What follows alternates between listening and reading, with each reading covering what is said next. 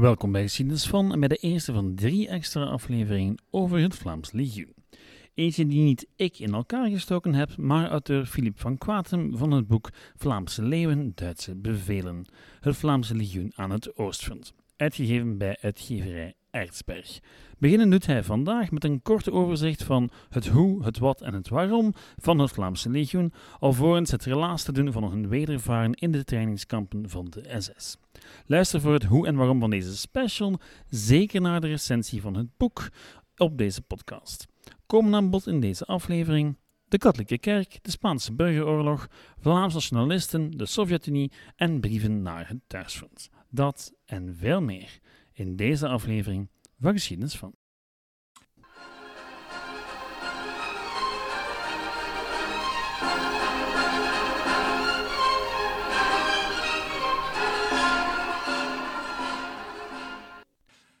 We zullen het in deze podcast van Geschiedenis van hebben over de zware gevechten aan het Oostfront tijdens Wereldoorlog II en de rol die de Vlaamse Oostfronters daarin speelden.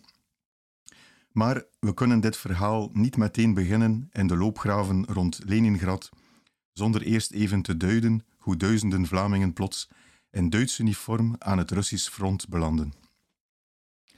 Dit zal de focus zijn van dit eerste deel. In een tweede deel gaan we dieper in op de gevechten aan het front, om in een derde en laatste deel in te zoomen op de meest markante gebeurtenissen en soms verrassende resultaten van het onderzoek voor dit boek. Hoe kwamen enkele duizenden vrijwilligers er nu toe zich te melden voor het Vlaams Legioen en de Waffen-SS om te vechten in Rusland? Wel, om die vraag te beantwoorden moeten we het hebben over de politiek in België en Vlaanderen tijdens de bezetting. Het VNV, of het Vlaams Nationaal Verbond, kent de luisteraar al uit de aflevering van Geschiedenis van over de collaboratie. Deze politieke partij stapte de collaboratie in en zou op 11 mei 1941 de enige partij in Vlaanderen worden. Op dat moment leverde het VNV in één beweging honderden burgemeesters, magistraten en gouverneurs. Nochtans stonden tegenover dit groter en groter wordende engagement van het VNV geen Duitse beloftes. Het VNV ging er nogal braaf naïef van uit dat na een Duitse eindoverwinning Hitler aan elk volk dat als goede leerling zijn bijdrage had geleverd, zijn rechtmatige plaats in de nieuwe wereldorde zou gunnen. Voor het VNV was er maar één spelbederver. Tegenover de eenheidspartij VNV plaatste de SS de D-vlag, of de Deutsch-Vlemische Arbeidsgemeinschaft. Kritiekloos en zonder voorbehoud trok de D-vlag de Groot-Duitse kaart en werkte richting annexatie van Vlaanderen door Duitsland. Dat terwijl het VNV er net op uit was om zoveel mogelijk Vlaanderen te behouden, al was dat dan binnen een door Duitsland bezet Europa. VNV en D-vlag werden dan gedurende de rest van de oorlog tegen elkaar uitgespeeld door de Duitsers om steeds verdergaande politieke medewerking te bekomen en de Duitse nationaal-socialistische politiek uitgevoerd te krijgen. Een van die strijdtonelen tussen beide partijen werd het werven voor het Oostfront. Wie het meest vrijwilligers kon werven voor het Oostfront, VNV of D-vlag, won aan invloed binnen de collaboratiepolitiek in Vlaanderen het was de start van een verdeel- en heerspolitiek, maar ook van een opbodpolitiek tussen het VNV en de D-vlag. Dat werven voor het front kende een aarzelende en bescheiden start. Toen Himmler in april 1941 besloot de standaarden Noordwest voor Vlamingen, Denen en Nederlanders op te richten, verscheen schoorvoetend in het VNV-dagblad Volk en Staat een oproep voor de Waffen-SS.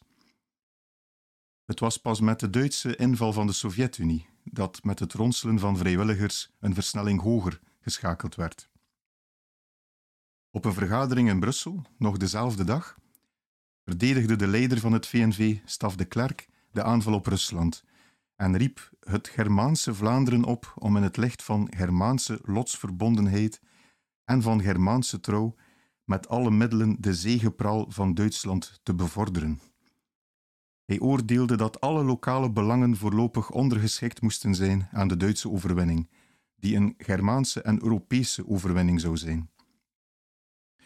Hij deed een oproep om toe te treden tot de Waffen-SS in de strijd tegen Jodendom, vrijmetselarij, plutocratie en bolsjevisme.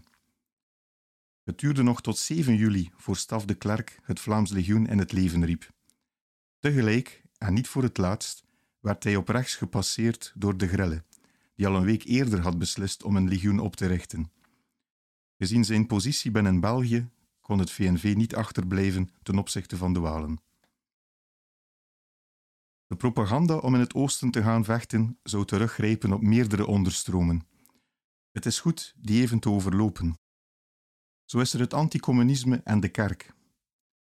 De Spaanse burgeroorlog liet in West-Europa een diepe indruk na. Specifiek de krantenartikels over de oorlog van de Republikeinen tegen de katholieke kerk bleven in het geheugen hangen.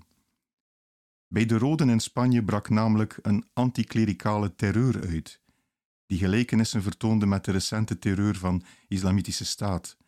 Alleen al in Madrid vermoorden de Roden tijdens de oorlog 6.832 religieuzen, onder wie 4.180 priesters, 2.365 monniken en 283 nonnen, van wie velen eerst verkracht werden. Deze moorden gebeurden met een beestachtige vreedheid. Zowat een vierde van de Spaanse geestelijkheid overleefde de oorlog niet. En vooral dergelijke verhalen werden in de pers in Vlaanderen breed uitgesmeerd. Dat ook Franco's executiepelotons heroverde steden eerst zuiverden, kwam minder aan bod.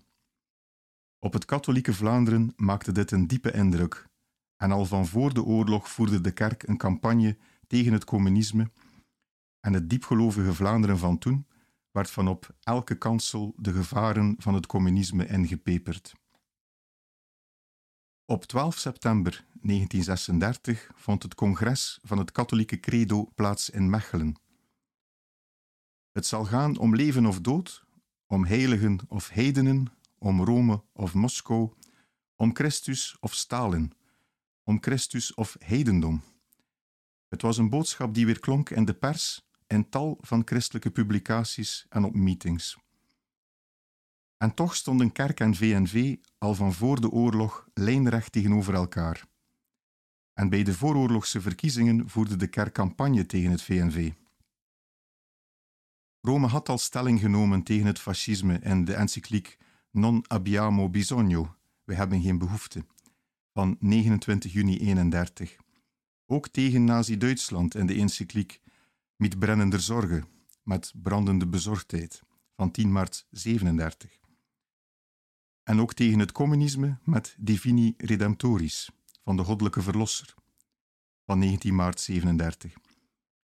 Uit die encyclieken sprak de afkeer die de pausen Pius XI en XII hadden van de autoritaire regimes in de jaren 30.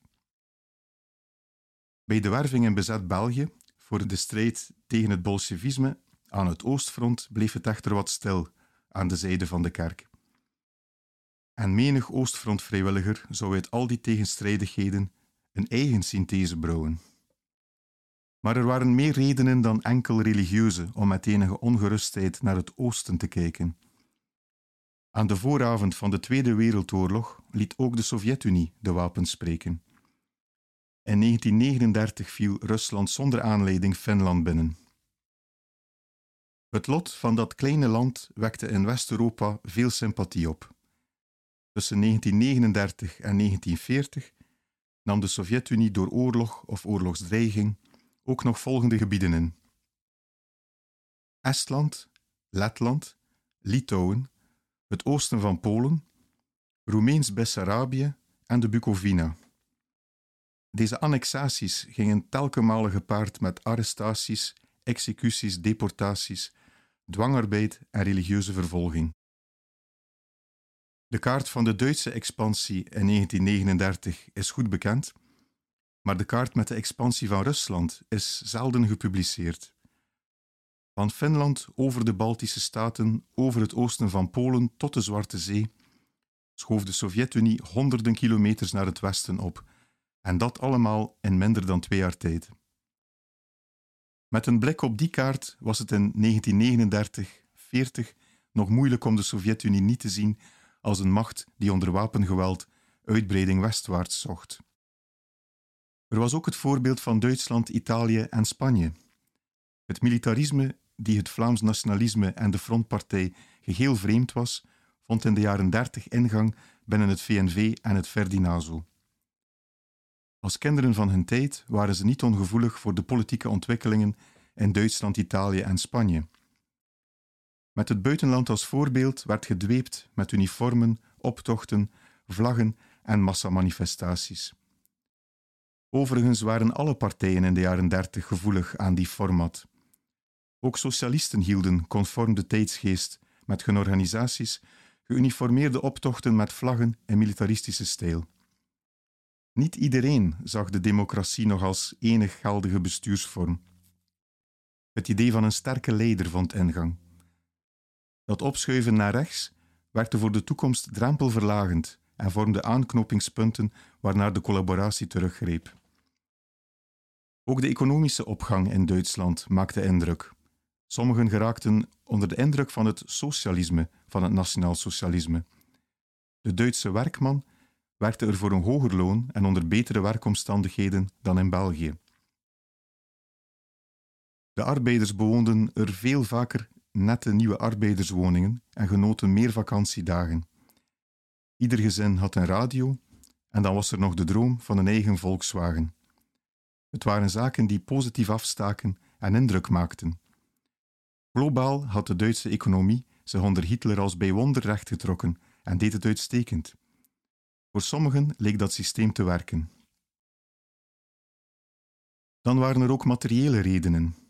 De werving voor het Oostfront bood ook vooruitzichten op carrière en remuneratie.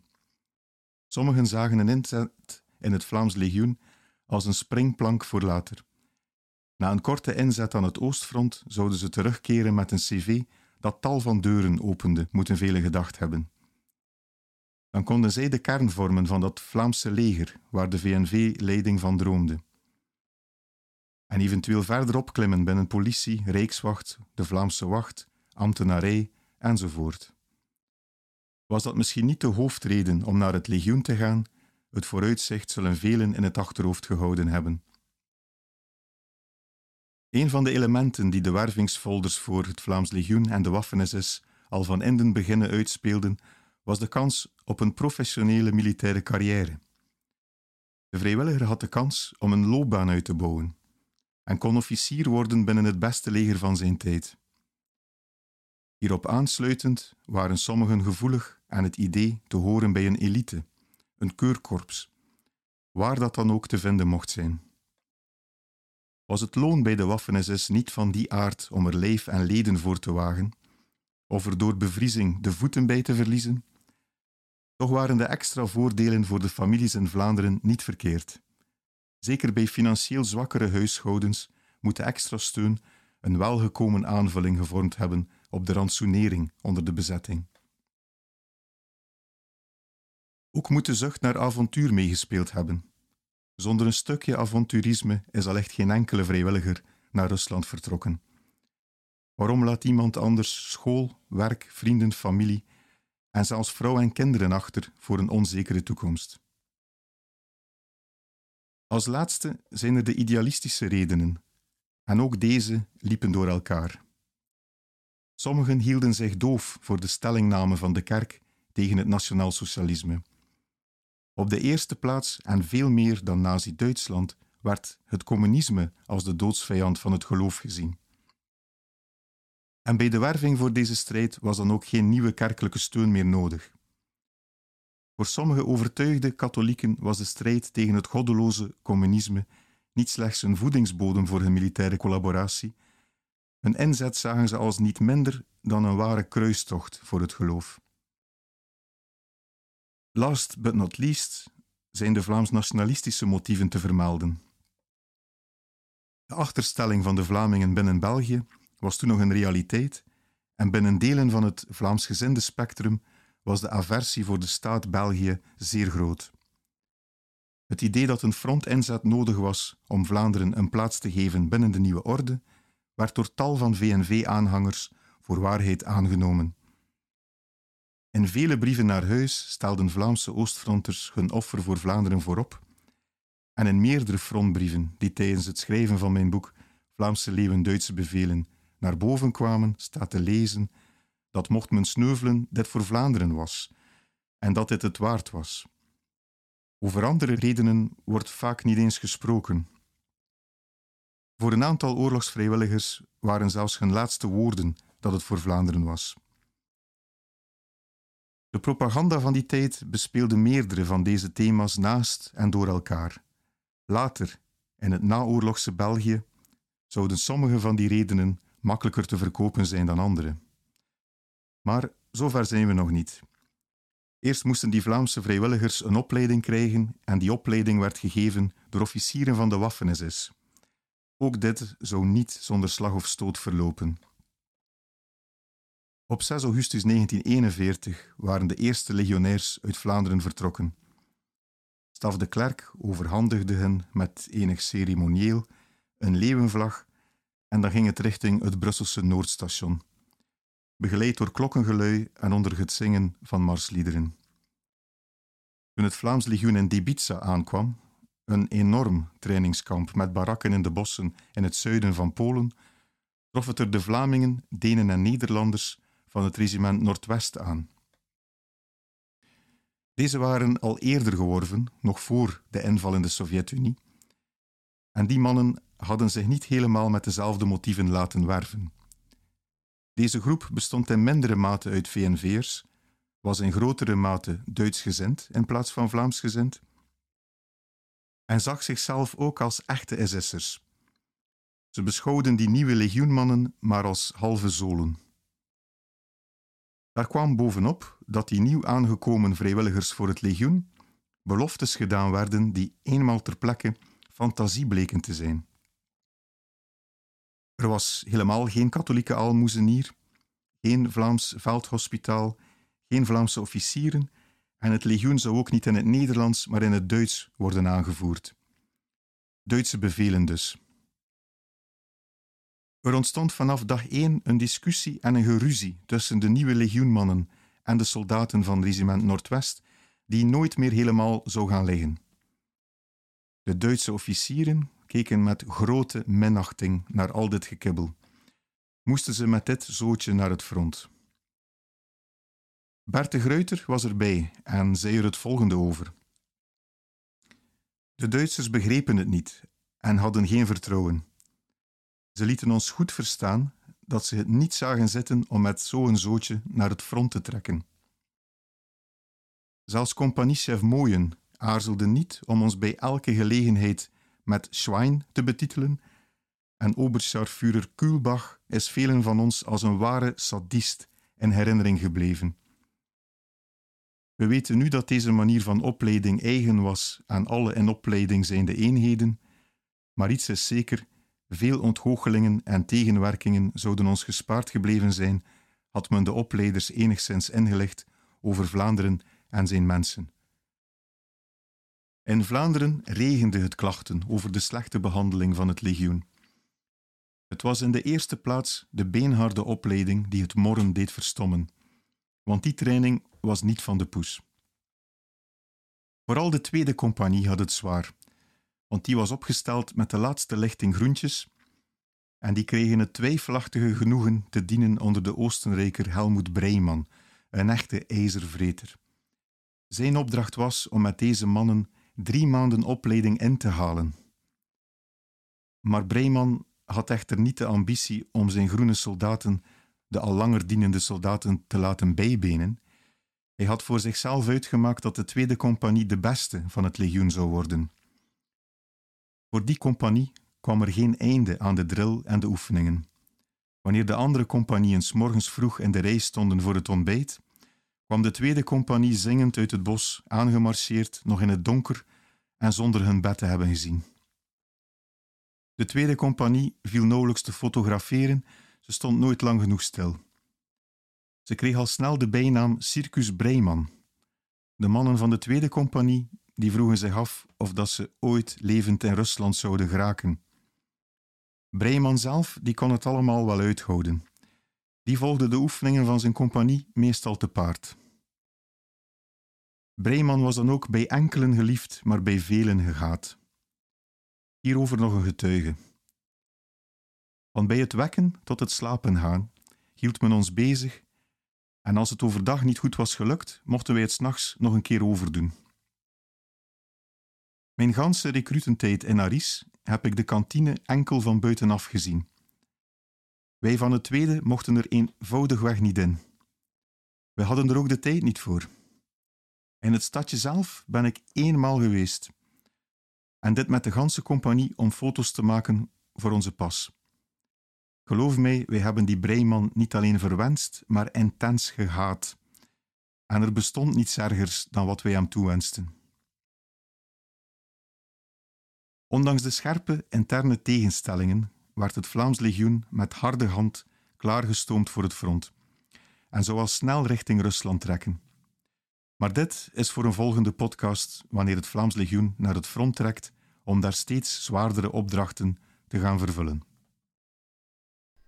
En dat was het voor deze aflevering. U kan onmiddellijk door naar aflevering 2 en 3. Als u wat meer context wil omtrent de collaboratie, kan u luisteren naar aflevering 102, collaboratie van deze podcast.